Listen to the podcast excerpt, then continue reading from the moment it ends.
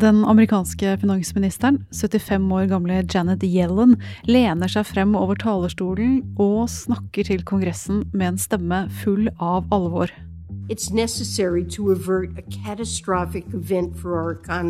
Denne høringen ble holdt 28.9, og siden da har katastrofen rykket nærmere.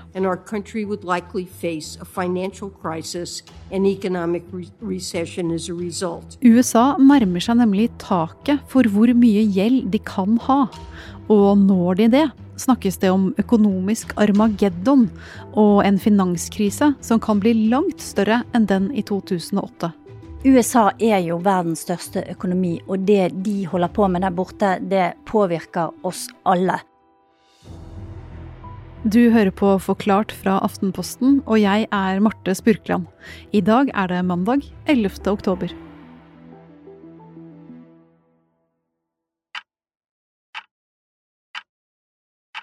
Akkurat som at oljefondet her hjemme har en nettside med et telleverk hvor du kan se hvordan fondet vokser, så finnes det en nettside som viser hvor stor statsgjelda er i USA akkurat nå.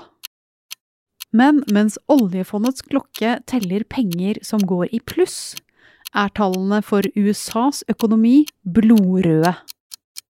For hver dollar som tikker inn, blir gjelda som staten USA må betale ned på, større og større. Nå er den på over 28 billioner, altså 28 000 milliarder amerikanske dollar. Mer enn 21 norske oljefond. USA har brukt mer penger enn de har fått inn i veldig mange år. Og det gjør at de stadig vekk må ta opp mer og mer gjeld. Kristina Pletten er kommentator i Aftenposten og følger det amerikanske gjeldsdramaet tett. For nå er den amerikanske gjelda i ferd med å nå en grense. Gjeldstaket. USA har en øvre grense på hvor mye penger de kan låne, som minner om grensen på et kredittkort. Dette taket kom på plass i en tid tidlig på 1900-tallet, da USA var nødt til å ta opp veldig mye statsgjeld, mye mer enn de hadde hatt før. Og da bestemte Kongressen at de skulle stemme over uh, et sånt tak, og så heve det når det var nødvendig. Og på den måten så fikk de folkevalgte full kontroll over hvor mye gjeld staten satte seg i.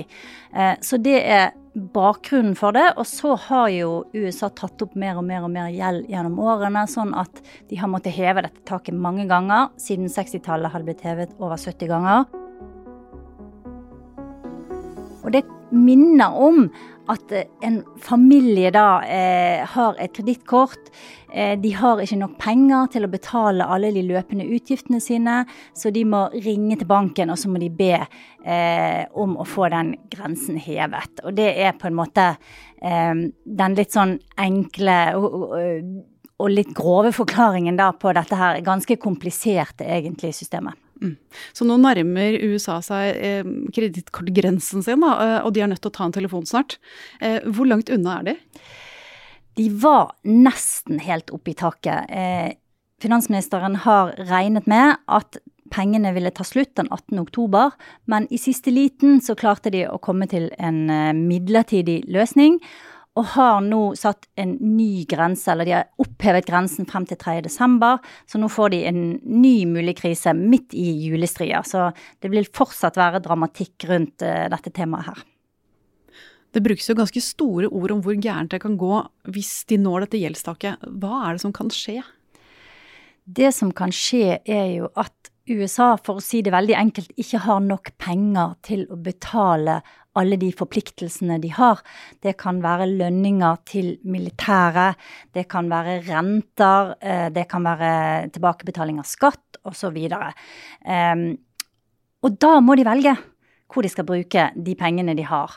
Eh, og hvis de da velger f.eks. å misligholde lånene sine, altså ikke betale tilbake avdrag på lån, så frykter mange at det kan føre til eh, en ny finanskrise. Det har aldri skjedd før i historien, og ingen vet helt konsekvensen av det, men eh, man er veldig redd for eh, hva slags ringvirkninger og hva slags eh, katastrofe det kan utløse.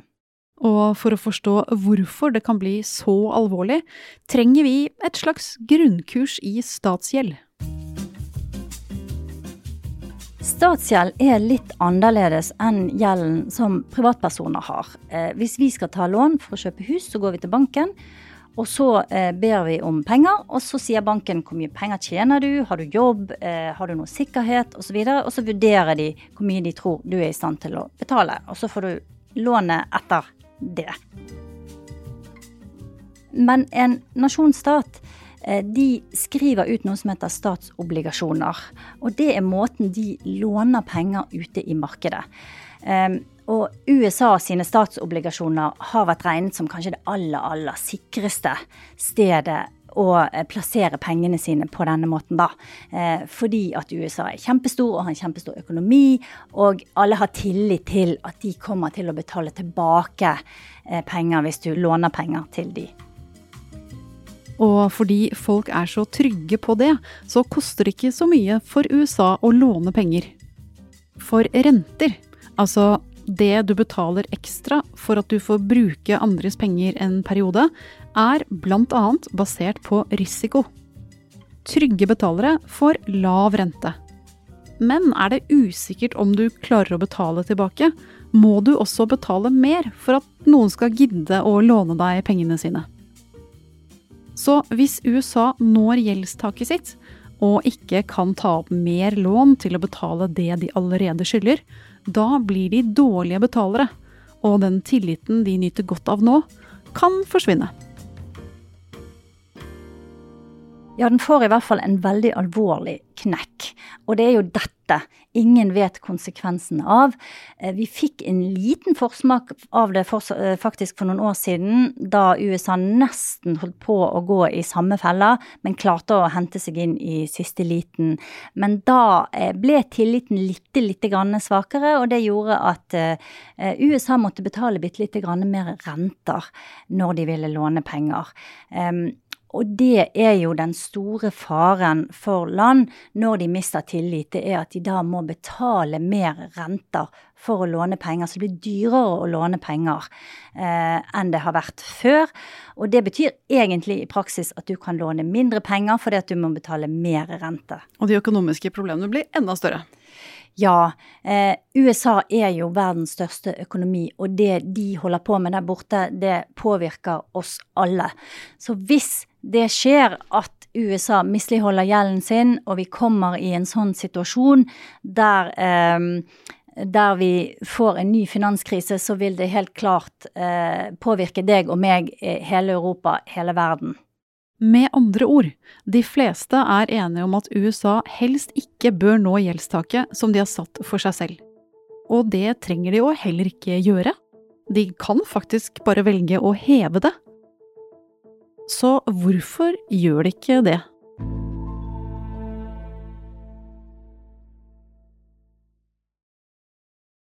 Dette her virker jo enkelt, Kristina.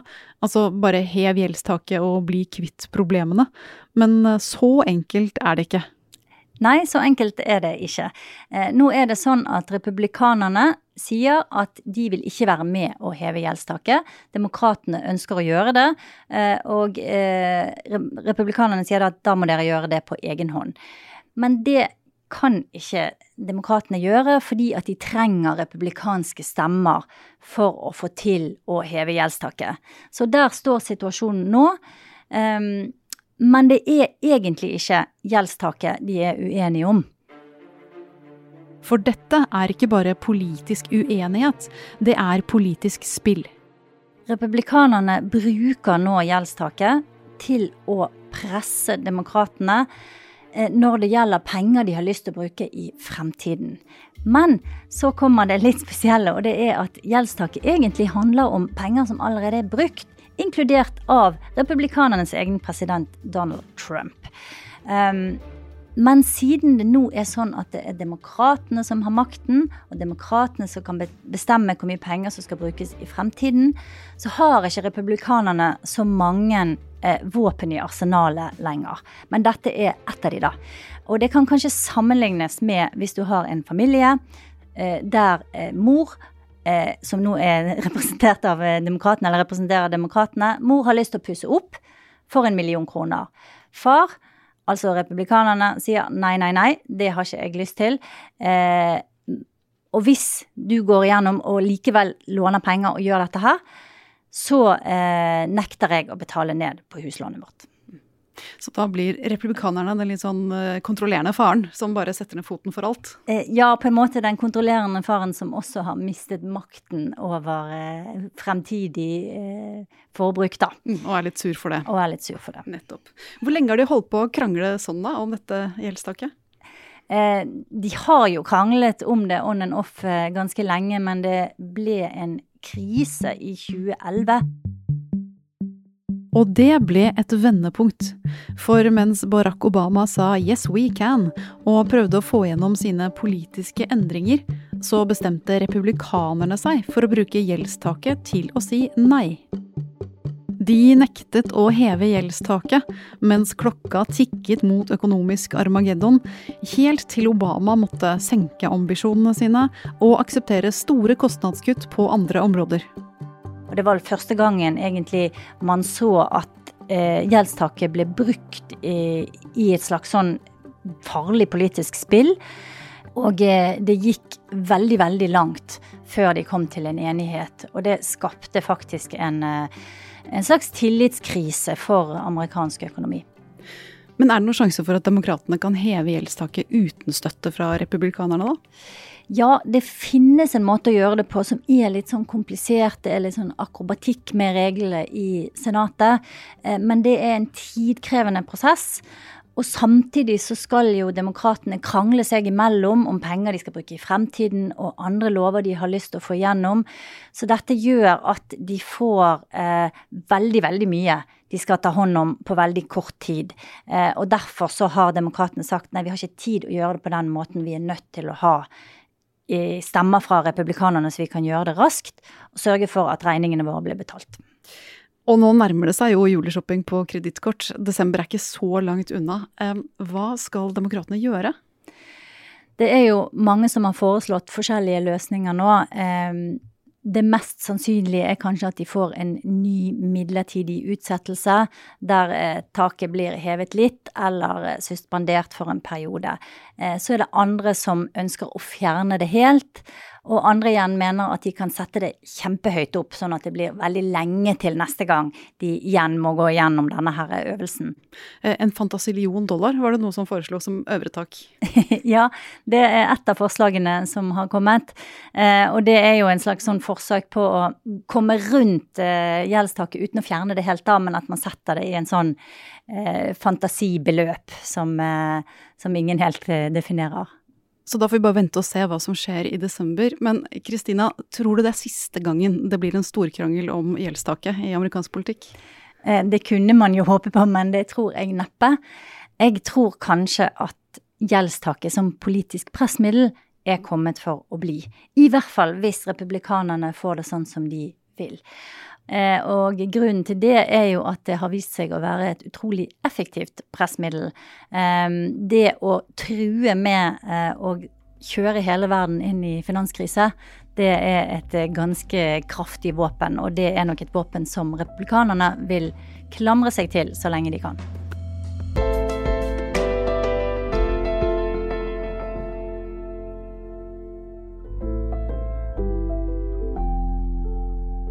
I denne episoden har du hørt Christina Pletten fortelle om det amerikanske gjeldstaket og det politiske spillet rundt en mulig økonomisk armageddon.